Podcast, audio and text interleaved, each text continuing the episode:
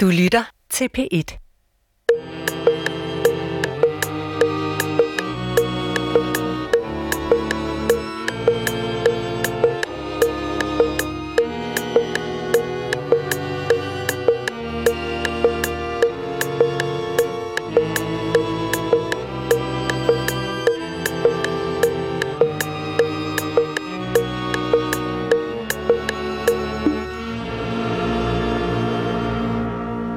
Goddag og rigtig hjertelig velkommen til Hjernekassen på P1. Mit navn er Peter Lund Madsen.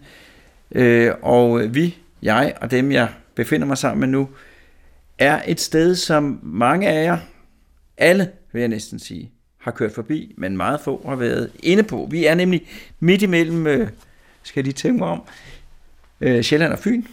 Vi er på Sprogø, den ø, man kører over, når man kører over Storebæltsforbindelsen. Øh, og jeg sidder oppe i et loftsrum, og øh, det er et sted, som har været oplagsplads. Der er en masse reoler, øh, og jeg kan se, at det er noget fra 30'erne, 40'erne, 50'erne. Øh, det er det er gammelt, og der er ikke gjort ret meget ved det. Øh, og det befinder sig i sådan en stor gårdlignende bygning her på Sprogø. Og det er det, det skal handle om. Det her sted på Sprogø, og jeg har tre eksperter med mig herop på loftet, man så må sige. Det er Birgit Kirkebæk, Henning Jan og øh, Sara Smed, og velkommen til jer tre. Og jeg vil sige også tak, fordi jeg måtte komme. Og øh, min første gæst, det er Birgit Kirkebæk, Birgit Kirkebæk, som handicaphistoriker, Ped og redaktør af Handicap Historisk Tidsskrift. Og øh, tak, fordi du vil komme. Og kan du ikke allerførst fortælle lytterne, hvad er det for et sted, vi befinder os på? Vi befinder os på Sprogø, som tidligere var en kvindeanstalt øh, for det, man kaldte øh, lettere åndssvage kvinder, som havde en diagnose, øh, der gik på, at de var moralsk åndssvage, de var antisociale, øh, de var præget af adfærdsvanskeligheder, man var bange for, at de øh, øh, var småprostitueret, at de smittede med kønssygdomme. Man var bange for, at øh, de skulle lægge øh, øh, samfundet til byrde ved at få børn i utid, og man var det hele taget bange for øh, den degeneration, som man mente, de var i besiddelse af. Altså man var bange for deres arv, kan man sige. Så man var både bange for de børn, de kunne bringe videre ud i tilværelsen, var også bange for, fordi det her, det var simpelthen utilpassede. Det var utilpassede kvinder, som var lette på tråden, nogle af dem, og som lokkede mænd til at gøre alle mulige forfærdelige ting, som ikke havde tjek på tilværelsen. Ja, det flyttede sig lidt, hvem det var, der egentlig var de farlige. Øh, I begyndelsen så talte man meget om øh, øh, smitte med kønssygdomme. Øh, senere der blev det mere den økonomiske byrde og det, at børnene vil blive endnu værre end møderne, og at møderne for øvrigt øh, ikke kunne tage vare på de her børn og ikke havde nogen rigtig moderfølelse. Så det man så etablerede herovre på Sprogø, hvad var det så? Ja, det var en særlig, en special anstalt, kan man sige, for kvinder. Man havde erfaringer med det, for Christian Keller, som var overlæge på de kælderske anstalter, havde allerede i 1911 øh, lavet en tilsvarende anstalt på Livø for mænd. Og den øh, synes man, både han og omverdenen øh, var en helt fantastisk idé, fordi der kunne man jo så samle disse utilpassede unge mænd et sted, og så kunne man helt bestemme, om de skulle ud nogensinde, eller hvornår de skulle ud. Og det samme ville man gerne have for kvinder. Øh, eller det ville Christian Keller meget gerne have øh, for kvinder. Og der var tiden med ham, fordi efter Første Verdenskrig, så mente man øh, fra både politikere og mange forskellige øh, institutioners side, at moralen var under opbrud. Øh, man snakkede om øh, Øh, letlevende piger i Nyhavn, der gik med soldaterne. Man snakkede om, at, øh, at de øh, kunne ikke være i plads nogen steder. De ville hellere lave prostitution, og, og man snakkede hele tiden om, at de var dem, der var smittebærere.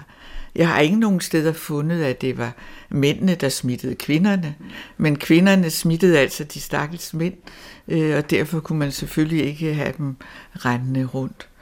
Øh, så da Christian Keller, ud, altså han, han ledte simpelthen efter en ø, øh, og var rundt til alle mulige øer, men enten lå de for tæt på land, eller også var den de ikke store nok, eller også så kunne øh, øh, vandet omkring øen fryse til. De havde en dårlig erfaringer med op ved Livø, for der kunne isen nemlig fryse til, og mændene kunne regne over til Fur og andre steder over isen, og det ville han jo ikke have en gang til. Men den her, det er jo en perfekt ø. Det er en helt perfekt ø, og det finder han også ud af. Men problemet er, at det er jernbanevæsenet, der har øen. Og de vil altså ikke af med den. Øh, de, de bruger den også til, øh, ligesom Sund og Bælt, til at deres ansatte kan bo der om sommeren og så videre. De vil sørge ikke af med den ø. Men øh, Christian Keller er vældig god til lobbyarbejde, og en af dem, der sidder i hans bestyrelse for åndsværanstalten øh, øh, i Brejning, øh, han er også politiker. Så han øh, taler for den gode sag øh, i tinget, og så ender det så med, at man øh, får den her ø i 23. Så i 23, der starter det her, og det er simpelthen et sted, hvor man kan sende utilpassede kvinder. Nogle af dem er måske mentalt udfordret, så de er svært ved at passe ind. Nogle af dem er bare frække, adfærdsvanske kvinder, og nu kan man sende dem herover for at beskytte samfundet øh, mod, der, mod, at de får børn, som kan blive endnu værre end dem selv, og så også selvfølgelig de stakkels mænd, for at blive lidt i fordærv øh, og få frygtelige kønssygdomme ud af det. Og jeg synes lige, at vi skal spille et klip, som beskriver, hvor velegnet denne her ø rent faktisk var til at isolere folk. For det var en lang rejse at komme herud på Sprogø. Forbindelsen med fastlandet består af to gange ugentlig sejlads med kvindehjemmens egen båd Sprogø, der er stationeret i Korsør. Den minder om en Vesterhavsruter.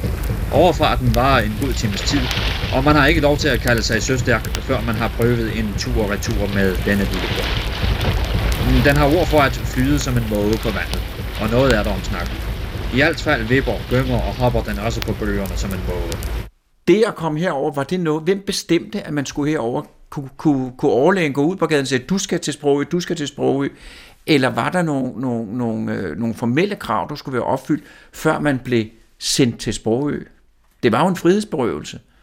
Ja, det var jo i høj grad en frihedsberøvelse. Der skal man jo tænke på, hvad det var for nogle øh, teorier, der lå bagved. Øh, for der var en, en række teorier, der startede jo allerede i 1800-tallet. Altså man kan sige, Darwins teorier startede jo en diskussion om, hvornår bliver du egentlig et menneske, og hvornår bliver du et rigtigt menneske? Hvor, hvor ligger du imellem dyr og menneske? Som faktisk var noget af det, der blev snakket meget om i forhold til det, man kaldte åndssvage. Og det andet var jo, øh, øh, hvad, er det, hvad er det for et samfund, vi skal have, når nu det er blevet sådan, som Steinke, K.K. Steinke sagde i Fremtidens Forsørgelsesvæsen, hans store bog fra 1920, når nu det er sådan, at øh, vi er blevet så blødsødende, at vi holder liv i hvem som helst, og at dem, vi så holder liv i, er arvelige ramt. Øh, øh, bliver det så ikke sådan med tiden, at dem, der virkelig er dårlige arvemæssigt set, de får masser af børn, og dem, der er øh, positive arvemæssigt set, de får kun få børn. Og kan vi ikke, er det ikke livsnødvendigt for samfundet, at vi får ændret det her? Det er jo den der socialdarwinistiske tanke om, at, at for det første er der nogen, der har dårlig arv, men for det andet, hvis vi ikke bryder ind og laver nogle sociale barriere, så vil det sprede sig i det uendelige. Og K.K. Steinke, han var jo socialdemokrat og var jo en af fædrene til det, vi kalder velfærdsstaten i dag.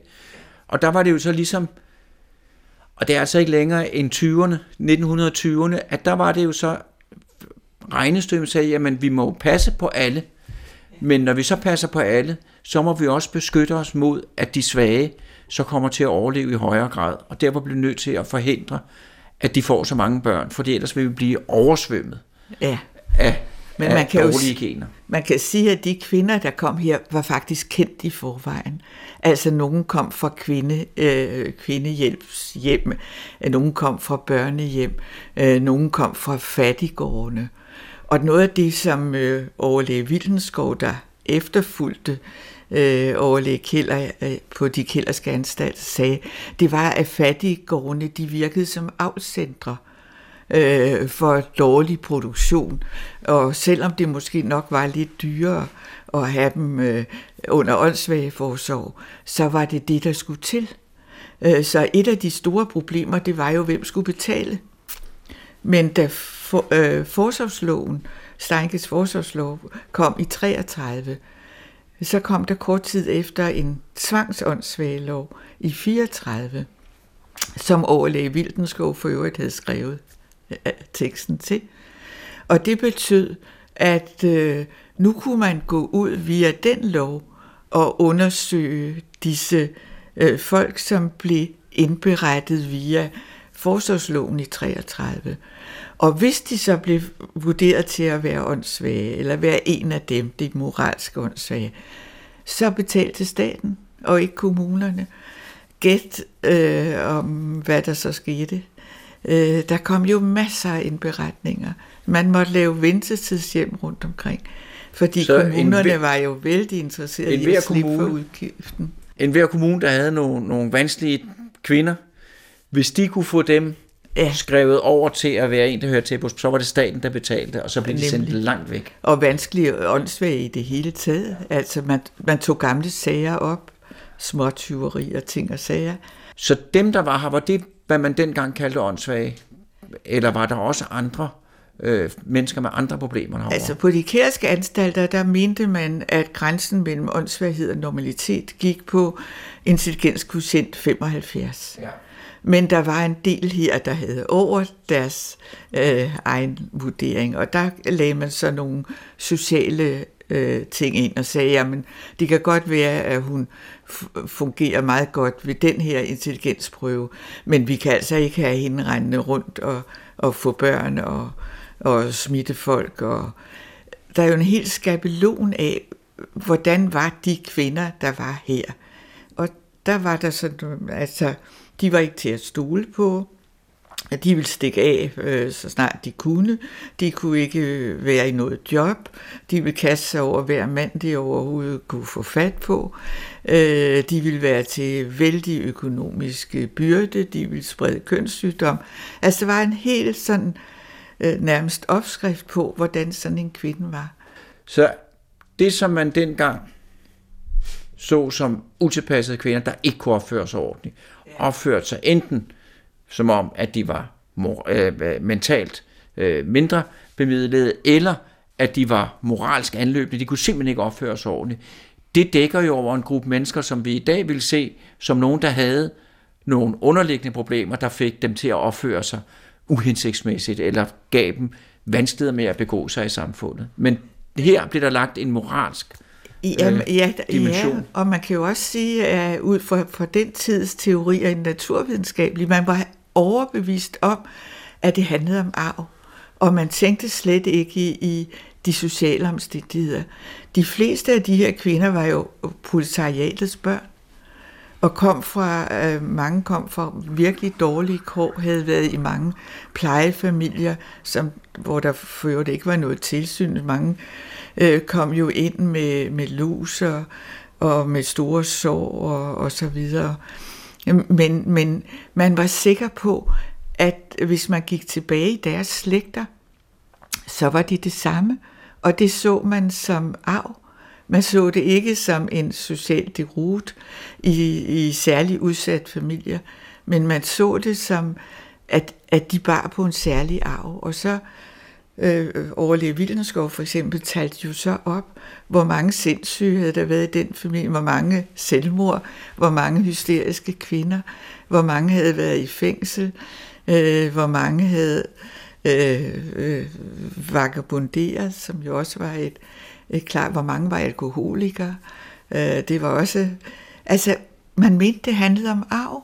Og det var jo en gammel øh, teori øh, fra øh, en, der hed Morel, en, en, en fransk psykiater, øh, helt tilbage til 1850'erne. Ikke? Så derfor så var der ikke nogen behandling mulig andet end at isolere dem og sørge for, at de ikke gav den arv videre.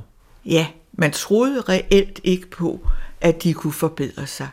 Men man troede på, at man kunne disciplinere, og man troede på, at man kunne oplære øh, arbejdsfunktionerne sådan, at de kunne blive brugt ude i kontrolleret familiepleje, når de var steriliseret. Og det vil sige, at, at, at de skulle gå til hånde, øh, for eksempel hos en gårdmand, uden at få løn. Men gårdmanden fik så løn for at have dem. Så det var nok ikke nogen dårlig fidus for gårdmanden. Øh, du siger, de blev steriliseret. Det blev de alle sammen. Altså stort set, der var nogen, der for eksempel havde haft gonoré, øh, og hvor man mente, at det gjorde, at de ikke kunne få børn. Men, øh, men de fleste af dem, der kom ud, de skulle steriliseres. Og var det noget, man selv kunne tage stilling til? Eller Nej, var det... Øh, der skulle overlægen skulle lave en øh, beskrivelse af, hvorfor skal den her kvinde steriliseres. Og det skulle gå til øh, Justitsministeriet og øh, sundhedsmyndighederne osv., osv. retslægerådet, øh, for at finde ud af, øh, at, at den her kvinde skal steriliseres. Og der, der tog han jo alle de der fortællinger, der var i journalerne, dem lagde han sådan set sammen, sådan så alle de dårlige ting, kvinden havde gjort i hele sit liv, blev serveret. Så kunne enhver jo se, at selvfølgelig skulle hun steriliseres. Og det her, det startede der i 20'erne? Ja, den første danske sterilisationslov kom i 1929. Og hvornår holdt det op igen? Øh, det kører i 67.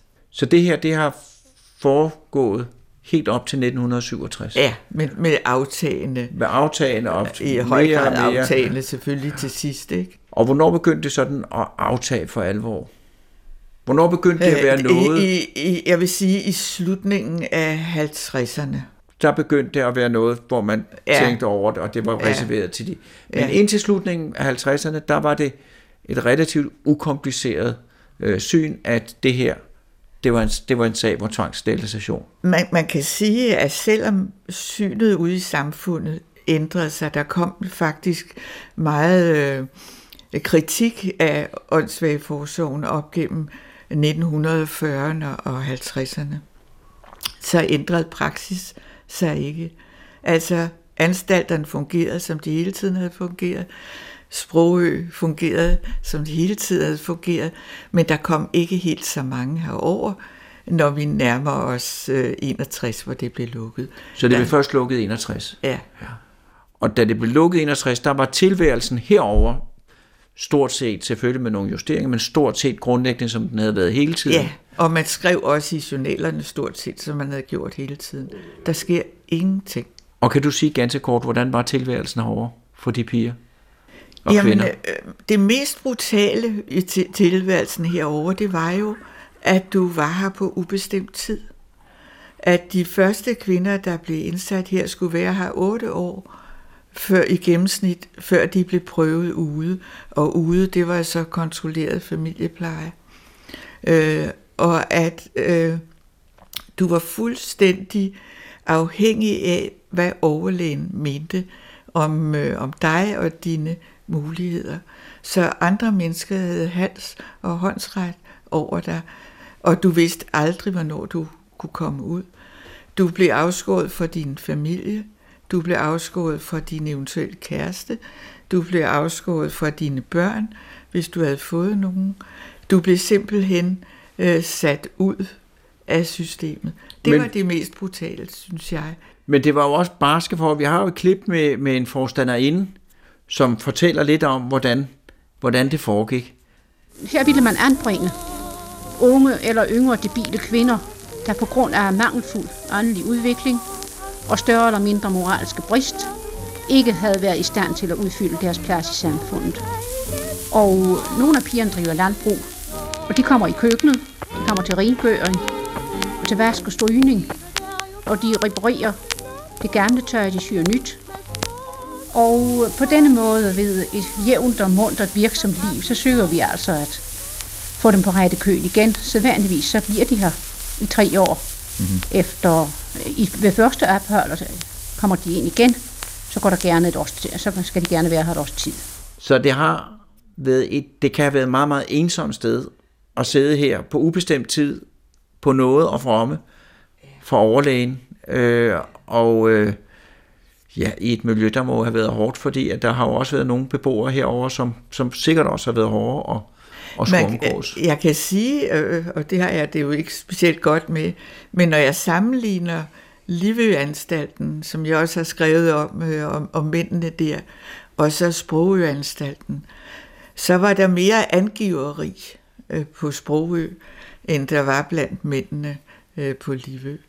Øh, og man angav de andre, fordi man ville jo gerne selv stå frem som en, der nu var havde rettet sig, og som derfor kunne komme Kunne gøre sig fortjent til at ja, komme hjem, ja. eller ind til land. Altså, der var jo, der var jo mænd, der øh, synes, at den her ø var meget, meget interessant, øh, fordi disse meget øh, øh, villige kvinder efter øh, sine jo boede heroppe. Og der var også mænd, der gik i land. Øh, der var et bestemt sted på øen, hvor man ikke kunne se fra husene, hvad der foregik. Øh, og der var også en mand, der gik i land, manden med de blanke knapper, øh, og havde samleje med en af pigerne, og der fortæller de andre piger, piger, jamen hun var villig nok, og hun tog sætte bukserne af, og så videre. Øh, og der, hvad skete der så for hende, da det, var, da det blev... Ja, hun, hun blev desværre gravid, øh, og havde barnet hos sig tre måneder, og så øh, blev det taget fra hende. Øh, og så sagde man jo, at de ingen moderfølelse havde, men det var en stor, stor sorg for de kvinder, der blev afskåret fra deres børn. De blev ved at omtale, de blev ved at skrive, de blev ved at lave små klæder til dem osv. Jeg synes faktisk, det var noget af det værste, da jeg var i arkivet, det var at læse om alle de der kvinder, der blev frataget deres børn. Efter de havde armet i tre måneder. Ja. Men det her, det er jo, altså her hvor vi sidder, det er, det er, det er steder, der har fungeret inden for en menneskealder. Øh. Altså kvinderne blev jo oplært til alt det, en rigtig kvinde skulle gøre, skulle kunne i en almindelig husholdning, og gerne i en landhusholdning. Altså passe dyrene, også pløje, øh, men øh, lave god mad og, og øh, sy sit tøj, væve og så videre. Alt det kunne de, de, men tanken var jo ikke, at de skulle ud og fungere som en kvinde eller som en mor, en husmor. Tanken var, at de skulle være tjenere ude i kontrolleret familiepleje. Så ideen i det var jo, at de skulle netop ikke være møder, og de blev altid omtalt som piger, og de omtaler efterhånden også sig selv som piger. Altså, nu er jeg blevet øh, så stor en pige, at jeg tror, jeg kan klare mig ude, hvis man skal forføre overlægen til at sende en ud. Ikke? Ja. Så kunne man skrive sådan. Tusind tak. Du lytter til Hjernekassen på P1 med Peter Lund Madsen. Den næste gæst, det er Henning Jan, leder af Dansk Forsvarshistorisk Museum i Slagelse. Og tak fordi du vil komme. Øh, og jeg, som jeg sagde, vi sidder heroppe i et loftsrum. Øh, og det er jo ikke fordi, jeg skal være skrab eller streng, men det er jo, øh, det er jo ikke fordi, at der er blevet, der er blevet ryddet op her øh, for nylig. Og vi har jo været rundt og kigge i bygningen her. Øh, og man kan jo se, at der er mange ting, der må stå, som det stod på den tid. Døre for den tid og sådan noget der. Og er du glad? Hvad siger du? Og enkelte af rummene også. Ja, er du glad for, at det er sådan? Øh, jeg synes, at øh, der skulle øh, altså være bedre muligheder for at besøge bygningen her. Øh, de ture, der arrangeres herover til Sprogø, det er jo turistforeningerne typisk. Øh, der, der er der ligesom to grundlæggende ting. Det er, at man kommer ikke ind i bygningen, og ser for eksempel ikke betænkningsrummet eller den gamle celle, som er bevaret. Øh, og man må heller ikke kigge ind, i, ind af vinduerne, fordi øh, at øh, det bruges til, øh, til feriemål stedet herovre for, øh, for øh, ansatte i Sund og Bælt. Og hvad vil du gerne, hvordan vil du gerne have, det skulle være? Ja, for det første kunne jeg da godt tænke mig, at der bliver adgang for nogle flere, men jeg har det sådan lidt, jeg synes, jeg vil fortælle dig herude i haven, foran øh, øh, øh, kvindehjemmet, der står sådan en stor mindesten om Christian Keller, som jo er manden bag hele det her øh, tankesæt, som, øh, som, som øh, Birgit har fortalt om, og alle tvangssterilisationerne osv. Og, og og jeg har det sådan, at når jeg nogle gange har fået lov til at være hjælpeguide herover, så bliver jeg altid så deprimeret, når jeg står foran den sten. Øh, fordi egentlig synes jeg jo, at det er en skamstøtte. Og, øh, og når jeg så bevæger mig rundt herover, øh, jeg kan selvfølgelig godt se, at bygningen er en, en kulisse på en eller anden måde, som fortæller lidt om kvinderanstalten. Men kvindernes historie kan jeg jo ikke finde nogen steder.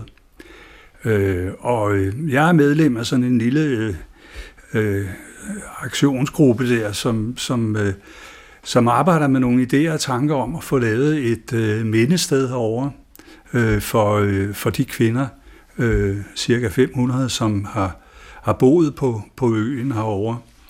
Øh, forestiller os en mindre udstilling, øh, der fortæller anstaltens historie, men også øh, fortæller nogen om, øh, om noget om de her enkelte øh, kvindeskæbner.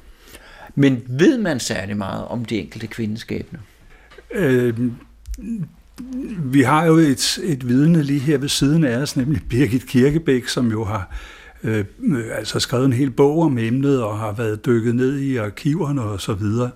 Og, og en stor del af journalerne ligger jo i, i Rigsarkivet. Øh, så, så af den vej er det, det er muligt at få adgang til dem. Så i dit, hvis nu at øh, hvis nu jeg var partileder af et parti, som virkelig havde nogle gode ting at forhandle med til noget finanslovsforhandlinger, hvad vil du så gerne have, at øh, i dit ideelle drømmebillede, hvad skulle det her så blive det her år? Jamen, det skulle blive et levende museum, og det skulle også gerne række, øh, øh, ligesom række ind i, øh, i fremtiden. Ikke? Det er jo ikke noget øh, nyt, det her med at anbringe folk på øer. Øh, og øh, vi har jo også oplevet for ikke så længe siden, at øh, det var op at vende igen, ikke? altså med, med de her afviste asylansøgere, der skulle, skulle øh, på Lindholm. Øh, så historien om Sprogø kan måske også øh, være med til øh, at forhindre, at vi overhovedet tænker i den slags baner der, øh, med at stigmatisere mennesker, øh, med lige frem at praktisere øh, øanbringelser. Men det er jo, altså, man kan jo bare høre, når man siger det, hvis der er nogen, man er rigtig irriteret på, eller synes er rigtig på dem, så send dem ud på en ø. Altså så har man den der fornemmelse af, så er det så er færgen sejlet, så er det løst. Ja, ja, den har været der mange gange, ja. også med rocker og Ja. ja. Vi kender Alcatraz i uh, ja.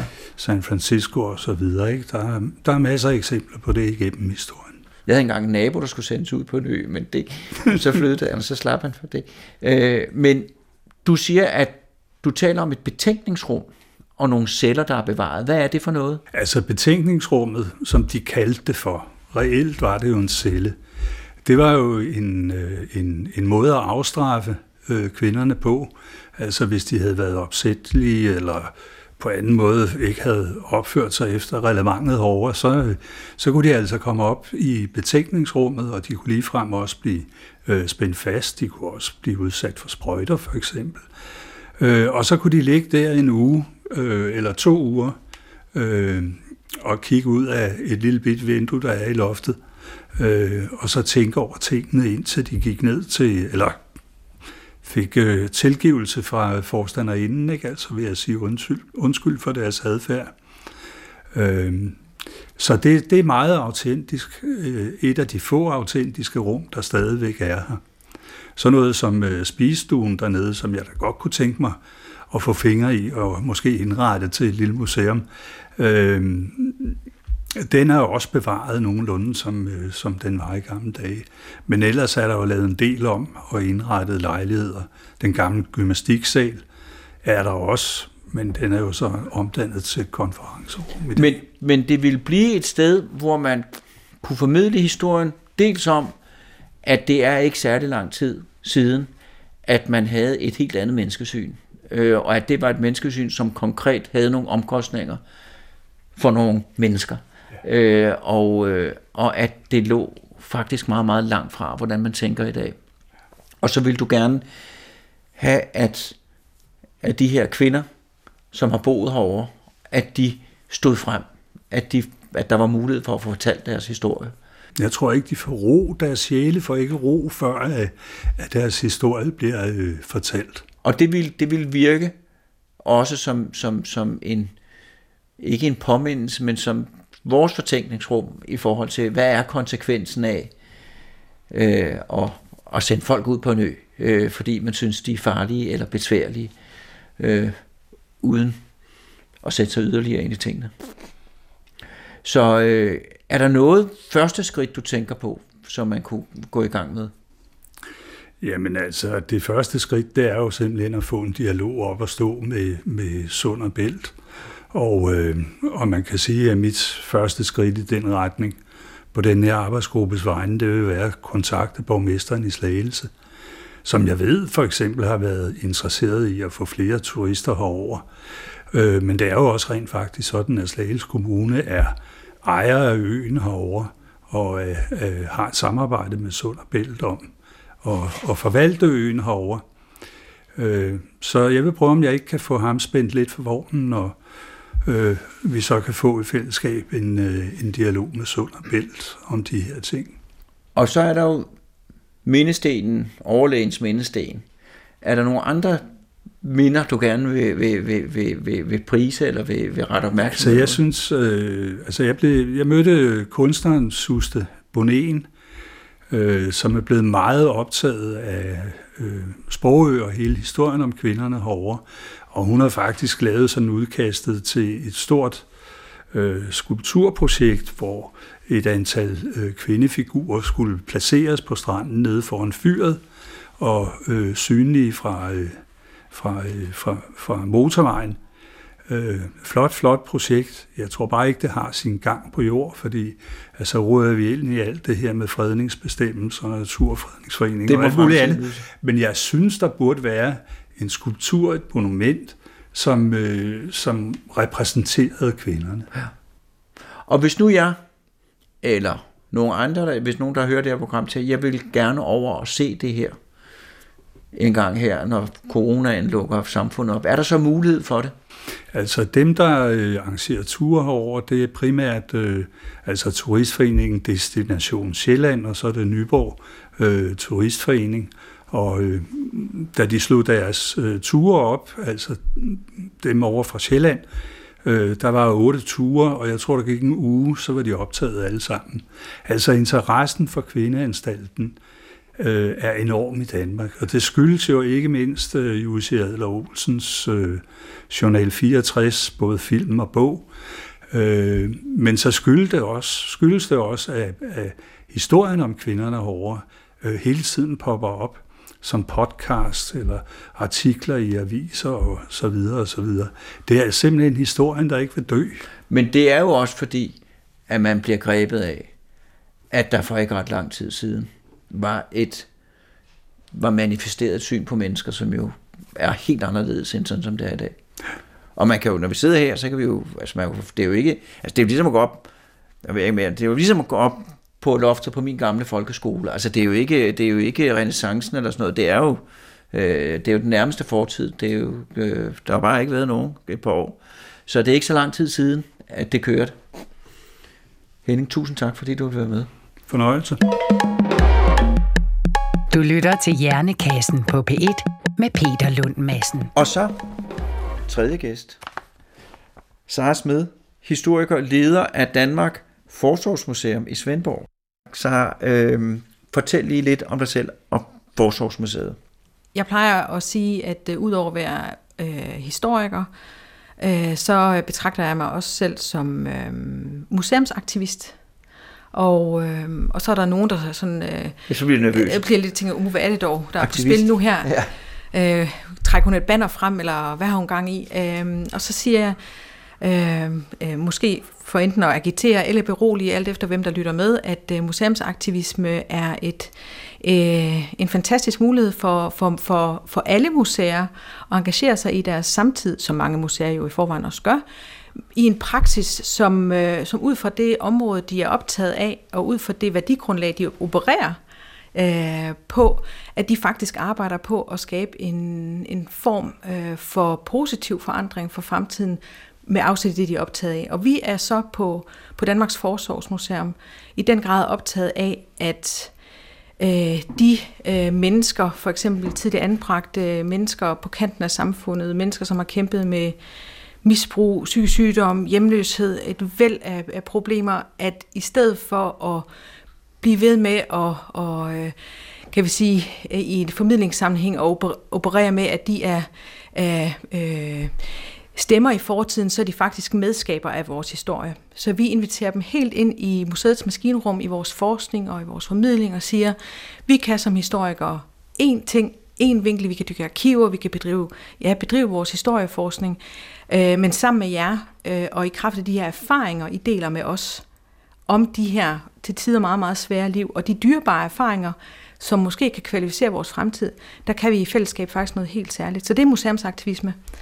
Og det betyder jo så også, at vi øh, engagerer os, som sagt, meget i vores, i vores samtid. Hvordan kan det her sprogkompleks bruges til at, at skabe en bedre fremtid? Altså jeg tror jo på, at, at den bedre fremtid øh, kan, kun, kan kun blive bedre, hvis man, hvis man baserer den på, et eller andet, på en form for oplyst tilgang til, til det, der har været.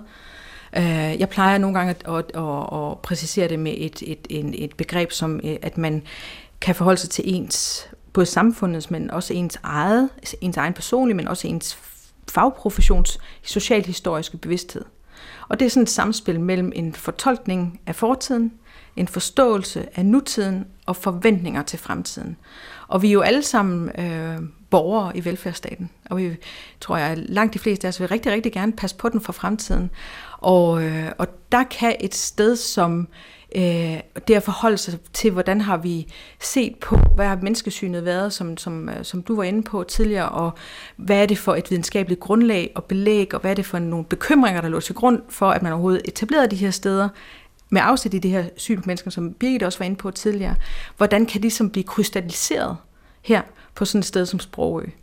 Øhm, man kan jo nærmest sige, at at bygningerne, eller bare det her rum, vi sidder i, bare det der, altså jeg sidder en gang imellem i det her, den her optagelse lige sådan, skulle skrue til, fordi det har også støvet, og altså det er lige før, man kan fornemme, altså bilder jeg mig ind i historien. Og det er jo, det er jo fænomenalt, at det er blevet bevaret. Eller noget, som virkelig også har grebet mig, når jeg har fået mulighed for at dykke ned i nogle af de her arkivalier. Øh, de der øh, breve skrevet af forældre, af pårørende, som, som øh, i min optik ganske enkelt desperate forsøger at få deres, altså slet ikke gennem, gennemtænkt har vidst, hvad var det for konsekvenser en, en indlæggelse eller en anbringelse på sproget medførte for deres Kan du give nogle person? eksempler på nogle af de breve, som, som pårørende til anbragt herovre, bare ikke ordret gengivet, men noget af det, de skriver? Jamen altså, øh, jamen det er det her øh, gang på gang skrive gentagende gange, år efter år efter år, hvornår må øh, den og den komme hjem igen. Vi er sikre på, at vi nok skal øh, sørge for, at, øh, at hun holder sig, siger jeg nu, men på dydens smalle sti. Vi skal nok sørge for, at, øh, at I for eksempel, en, nu vil de sjældent bruge ordet familiepleje selv, ikke, men de vil i hvert fald sørge for, at hun ikke falder udenfor, Øhm, og og det, det griber jo en om hjertet, at, at den der, øh, det der familiære bånd, eller det der, det der netværk, det der, man, det der, der er ens anker som menneske i, i verden, øh, at, at, det, at det bliver på en eller anden måde kappet øh, ved, at, at man placeres bare, ikke bare på en ø, men også på en anstalt, fordi en ting er, at vi sådan rent fysisk har bevæget os nu her, er kørt af, af broen og kørt ind på øen, og, og, og også med det klip, der er blevet spillet, har en fornemmelse af, at man har været enormt isoleret og enormt langt væk. Men der har jo været masser af de her steder, drysset som sådan et, et helt net hen over det danske, danske land, øh, af øh, anstalter, som også er øer i sig selv, som også er isoleret, hvor man ikke ved, hvordan kommer man ud derfra, og, og, og, og hvor den bredere befolkning heller ikke har den der forståelse eller indsigt i, hvordan er verden der. Og når man ikke har, eller hvordan er hverdagen der, og hvordan er verden, og hvem er det, der er der, og når man ikke har den der forståelse, så kommer der også lynhurtigt den der bekymring, om hvad er det så, der er inde på den anden side, eller hvad er der derude på den der ø, og så kommer frygten. Og så, så bliver det sådan et, et evigt gentagende øh, øh, blik på det, man er øh, på det, man ikke forstår, eller det, som, som man som øh, for eksempel også som en familie frygter, er konsekvensen, hvis øh, et medlem af familien falder udenfor. Altså, kan det tænkes, at de ender på Det har været et godt sted at skræmme sine, sine, sine utilpassede teenagepiger med, at øh, hvis du ikke, så kan du være, at du ender på Sprogø, Præcis. og så kigge ud i skumsprøjtet. Men det tegner jo også en tid, som ikke ligger langt tilbage, hvor man som enkelt individ var meget mere ubeskyttet, hvis man ikke passede ind. Yeah. Øh, der var ikke nogen steder at klage hen, hvis overlægen havde sagt sådan og sådan. Og Ekstrabladet kom ikke over øh, og snusede rundt. Øh, altså, der ikke, for, sige... ikke for at være kritisk. Øh, det har været udelukkende for at fortælle, hvor frygtelige mennesker, der boede her, eller om det nu var rigtigt, at de her kvinder, der har ikke, de har ikke haft, kvinderne, der var herovre, har ikke haft nogen hjælpere eller advokater, eller nogen, der var deres talerør på nogen måde. Så man må have følt sig meget ensom. Altså, i, altså systemet har jo, øh, altså vi har haft et, en tilsynsforpligtelse i ja. takt med, at, at det ligesom er staten, der også går ind, øh, som Birgit også var inde på indledningsvis, og tager, tager til, hvis vi bruger det, det, det, det, det videnskabelige og det øh, til dels, og i hvert fald det økonomiske ansvar, øh, så, så er der jo også en, en, en tilsynsforpligtelse her. Øh, og jeg kan da sige, at lige nu sidder jeg, uden at jeg skal gå i så meget detaljer med det, men jeg sidder jo sammen med en forskergruppe, og, og, øh, og er i gang med en udredning af det, der hedder sær- og åndssvage forsorgens institutioner, med specifikt fokus på, om der har øh, været øh, episoder, øh, og i hvilken grad af vandrygt og overgreb og mistrivsel, øh, og hvad for nogle konsekvenser for eksempel de her fysiske indgreb, som for eksempel stationer, øh, har haft for de her kvinder. Og for eksempel også, hvad har en anbringelse øh, inden for forsorgen haft af konsekvenser øh, i ens videre liv. Øh, og kan du fortælle og, noget om, hvad I har fundet ud af? Mm, det, det vil jeg rigtig gerne invitere os ind i næste program, når den rapport er offentliggjort, og det bliver den her i efteråret. Så Men det skal ikke være nogen hemmelighed, og det er, har, kan man jo også se på rigtig meget af den forskning, som blandt andet øh, Birgit øh, har arbejdet med, at, at der er jo mange, mange øh, bekymrende og grælde eksempler på, øh, at, at man kan have haft de man kan jo have haft de bedste intentioner, haft et blik på fremskridt og, be, og bekymring for, for, for, øh, for befolkningens tilstand og alt det her, men der har altså virkelig været nogle gruopvækkende konsekvenser for de her mennesker, hvis stemmer jo ikke fylder meget i arkiverne. Det er jo også noget af det, som, som, øh, som øh, både Henning var inde på tidligere og, og Birgit. Jamen, hvad er det, man kan spore i, i, i de her sagsakter? Jamen, det er jo primært systemets stemme. Ikke? Altså det er jo overlægens stemme eller forstanderindens stemme. Og så ligger der også de her breve, men, men de er jo ofte og, og hvad er det for altså det... breve fra, for eksempel kan man have breve fra pårørende, øh, som, som rigtig gerne vil øh, høre nys om deres barn, eller øh, hvordan kommer, kan de komme ud igen, og så videre. Men der kan jo også øh, øh, blive bevaret øh, korrespondence, øh, også efter en, en anbringelse inden for forsorgen, med for eksempel en forstanderinde eller en overlæge. Men, der Men det er, er jo nogen... systemets, det er igen i, i systemets... Øh, øh, man kan, der er jo ikke nogen tvivl om, at man kan fornemme, at, at rigtig mange af de her skribenter, øh, for eksempel de her piger, eller øh, forældre, forsøger at skrive i den tone, som, som, som, som skal udmyndte sig i det, de, der er deres slutmål, nemlig at de gerne vil have deres barn ud igen. Ja. Det er ikke et, det er ikke et, jeg har oplevet det her. Det er ikke et, øh, Øh, det er ikke en pige, der skriver, min oplevelse af min hverdag var sådan og sådan, sådan. Min frygt, min frygt for min fremtid er det her. Min håb for min fremtid er det her. Det er egentlig, når jeg savner mit barn, så kredser mine tanker som det og det og det. Og det er øh, det, som vi bare for en lille slå en lille krølle, øh, gerne vil arbejde for øh, på, på Danmarks Forsorgsmuseum, at den her erfarede velfærdsstat bliver del af vores allesammens historie. Sådan at når der er nogen, der så skal lave en, en undersøgelse af, af, af området om, om 20 år, 30 år, så ligger der faktisk også nogle vidnesbyrd, som ikke bare er systemstemmer. Nå, det er en lille ekskurs, men det er bare for at sige, at der er jo noget, der er blevet bevaret. Vi vil sagtens kunne få bragt nogle stemmer i spil. Der er jo også Øh, Øhm, Birgit har lavet et stort arbejde med at få øh, også interviewet nogle af de her tidligere øh, kvinder, der har været her, øh, øh, fået trukket nogle af deres øh, beretninger ud fra journalerne, og der er også blandt andet en, en, en kvinde, der, der står frem stadigvæk den dag i dag, og har, som var her, øh, da, du, da hun var i begyndelsen af 20'erne, øh, Karoline, og som nu er, er rundet de 90. Men det er så enormt få, både kvinder selv, men også deres pårørende, som stadigvæk vælger at sige, jeg får, jeg får bare i sidste uge fik jeg en henvendelse i min øh, i, i, ind, i min indbakke, hvor der ligesom står, øh, jamen min, min, min far øh, blev til øh, øh, af en, en kvinde, som var kommet i ulyksalige omstændigheder, og han øh, blev senere hen øh, adopteret øh, af en kvinde, som selv havde været på Sprogø, som så var kommet i et ægteskab, ja. og som så har fået tilladelse til at få adopteret.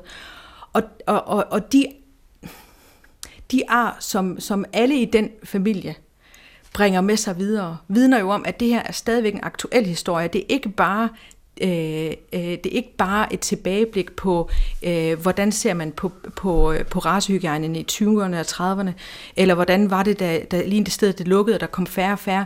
Det er altså stadigvæk en del af vores allesammens historie, som, som spreder sig øh, som ringe i vandet for rigtig mange familier, men hvor man ikke rigtig, øh, hvor man stadigvæk er indvævet i det her tabu, det er, at, at det er en af ens slægts, det er del af ens slægtshistorie. Og det er jo, synes jeg, er beskæmmende.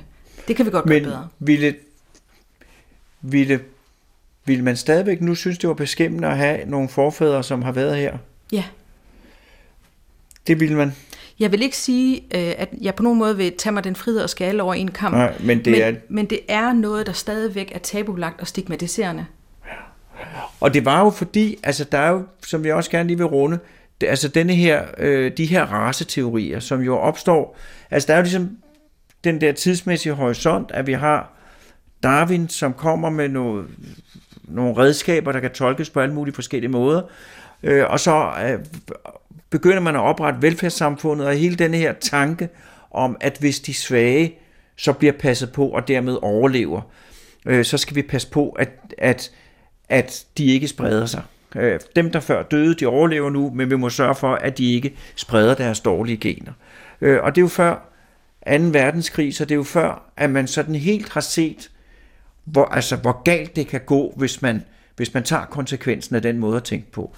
Øh, så der er der i mellemkrigstiden, specielt, eller i hvert fald også i Danmark, øh, ret udbredte tanker, som nu om dage er hårdrejsende at høre på, og vi har et klip med Tit Jensen, som jo var kvindeforkæmper, og søster til Johannes V. Jensen, og som blev opfattet som en progressiv kvinde, som her siger noget, som jo vil medføre en, medføre en vis ballade på Twitter, hvis det blev sagt i dag. Øh, og det klip, det kommer her. Nu skal vi først have ild på cigaren, Sid Jensen. Ja tak, det vil jeg gerne. Må jeg? Tak. Tak, det var dejligt. Er den i orden. Ja tak. Man kan ikke sætte sin værdighed til på racehygiejne. Tværtimod. Man kan højne menneskehedens værdighed ved at indrømme, at der findes intet på denne jord så stort, så betydningsfuldt, en så stor tillidspost som den at sætte et nyt liv i verden, at føde et barn. Af hvilken grund? Hvad skulle resultatet af det blive, Sid Jensen? Det skulle naturligvis blive en udmærket befolkning, der er en ære for den Gud, som mennesket påstår at ligne. Så, så der er denne her bekymring, og denne her handel med, at forudsætningen for velfærdsstaten, forudsætningen for, at vi tager os af de svage, de utilpassede, dem der ikke dur, det er i hvert fald, at de ikke skal sætte børn i verden. Er det ikke rigtigt? Det, er- det, er- det, er, det er jo en bekymring, øh, og det er en... Øh, altså, man, man var øh, lige så bekymret, man var lige så optaget af øh, fremskridtstanken, og, og, og, og, og det mulige land er jo også indlejret i den her, i, i den her tid. Øh, men jeg tror jo så også, at der er nogle økonomiske rationaler. Altså, der, man er simpelthen bekymret for, hvad er det for en økonomisk byrde, øh, der, der, kan, der, der, der, der kan ende med at, og også udfordre velfærdsstaten. Og der er jo så, ved at igen, nu tager jeg mig den frihed og siger, at der er jo nogle paralleller til også den måde, vi debatterer øh, området øh, den dag i dag. Altså retssikkerhedsprincipper og så videre, i forhold til, hvis du som, som menneske har brug for støtte, øh, i forhold til, at du øh, kan have et udviklingshandicap med videre. Altså, så, så, så, så der er jo stadigvæk nogle, nogle tråde, øh, der trækker tilbage til de her bekymringer. Men der er jo også, altså vil jeg sige, der, er jo, der har jo heldigvis og berettiget været mange revolutioner i vores menneskesyn siden der. I- Og, og, det er jo sket ret sent. Det er holdt op i 61. Min morfars familie kommer fra landet. Øh, og jeg kunne høre de gamle mennesker, når de sad og diskuterede efter nogle hof og tuborg til 80 års fødselsdag, så kunne jeg jo godt høre, denne her uro, og denne her grundtro på, at fattige, det var folk, der simpelthen ikke kunne finde ud af det, øh, og som, som måtte klare sig selv. Øh, der var sådan en helt anden antivelfærdssyn, og et helt andet syn på, på, på folk, der ikke passede ind, som var langt mere hårdt, end, end hvad man møder i hvert fald, som accepteret synspunkt i dag. Og dengang var det jo noget, der var mange, der sagde og mente fuldstændig frit og åbent. Øh, så, så, så det har ændret sig, synes jeg, meget voldsomt. Øh, fra noget, der egentlig set med nutidens øjne var ret forfærdeligt. Ja, øh, jeg vil så også sige, at jeg, jeg synes stadigvæk, jeg kan se øh, elementer. Ja, men så skulle du prøve min morfars 80 års fødselsdag, fordi der var, der var mere end elementer. Øh, men det er rigtigt, selvfølgelig er det der endnu, men jeg siger, det som jeg siger er en forskel, det er, at hvis du siger, som fru Winter sagde, arbejderne skal ikke have mere i løn, for de bruger dem bare til at drikke øl. Øh, så, så, så er det ret få mennesker, du taler til nu om dagen. Hun talte til flere mennesker øh, der i, i, i 70'erne. Så, så, så det ændrer sig alligevel. Det betyder ikke, at det er fuldstændig væk. Men er det ikke rigtigt? Jo, øh, jeg, vil, jeg vil så også stadigvæk øh, hive lidt i den anden, øh, hive lidt en anden boldgade og sige, at, at historisk set har vi jo ligesom også kunne gang på gang påvise, at det her med at straffe folk ud af fattigdom øh, virker generelt enormt dårligt. Altså det, det, det, det virker ikke. Øh, men, men sanktioner øh, med videre, øh, hvis du forbryder dig mod de øh, regler, der er stillet op af velfærdsstaten, i, som, som kan vi sige, som modsvar til den ydelse, ydelse, ydelse du også modtager, øh, den, øh, den kan stadigvæk have øh, elementer af det her med, at du øh, bliver straffet øh, på baggrund ja. af din nød. Men, men det ligger åbenbart i os. Der er et eller andet i vores, øh, i vores dybe sorte sjæl, øh, ja. så, hvor det taler sig. Den der, altså det der med, jeg kan godt mærke, hvis, altså nu kan det jo være forskelligt, hvad man bliver irriteret på, men altså nu, hvis der er nogen, nogen, nej, jeg skal ikke sige noget, fordi så bliver de sure på mig. Hvis nogen af jer synes, er virkelig irriterende, og når de har gjort noget rigtig irriterende, så kan jeg godt sende dem ud på en ø.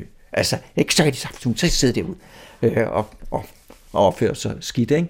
Det, det, der, ligger, der, ligger noget, øh, der ligger noget gruppedynamisk i os, der handler om øh, at øh, straffe og ud, udskamme folk. Men vores erfaring fortæller os bare, at vi skaber flere problemer for både os selv og andre ved at gøre det. Og derfor tror jeg, at en, en, en afsluttende for mig også kan være, at det må være i fællesskabets ånd, at vi også inviterer dem øh, helt ind, der er måske øh, historisk set, eller også i vores samtid, gang på gang, øh, øh, øh, på en eller anden måde i deres ageren, eller det vi ikke forstår, falder udenfor. Ja.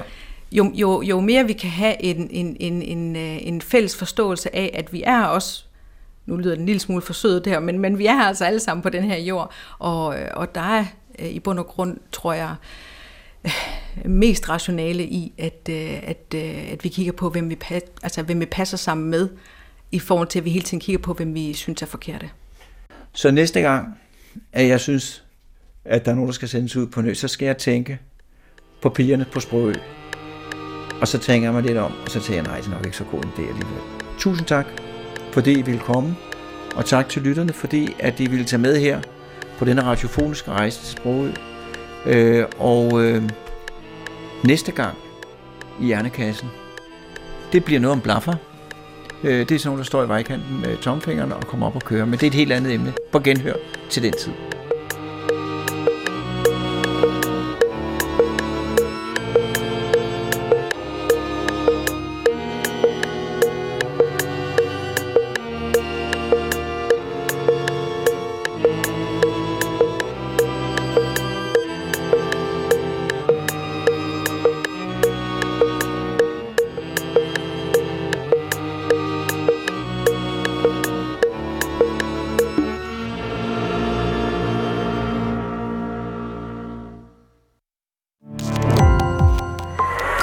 Opdagelse i alle DR's podcast og radioprogrammer. I appen DR Lyd.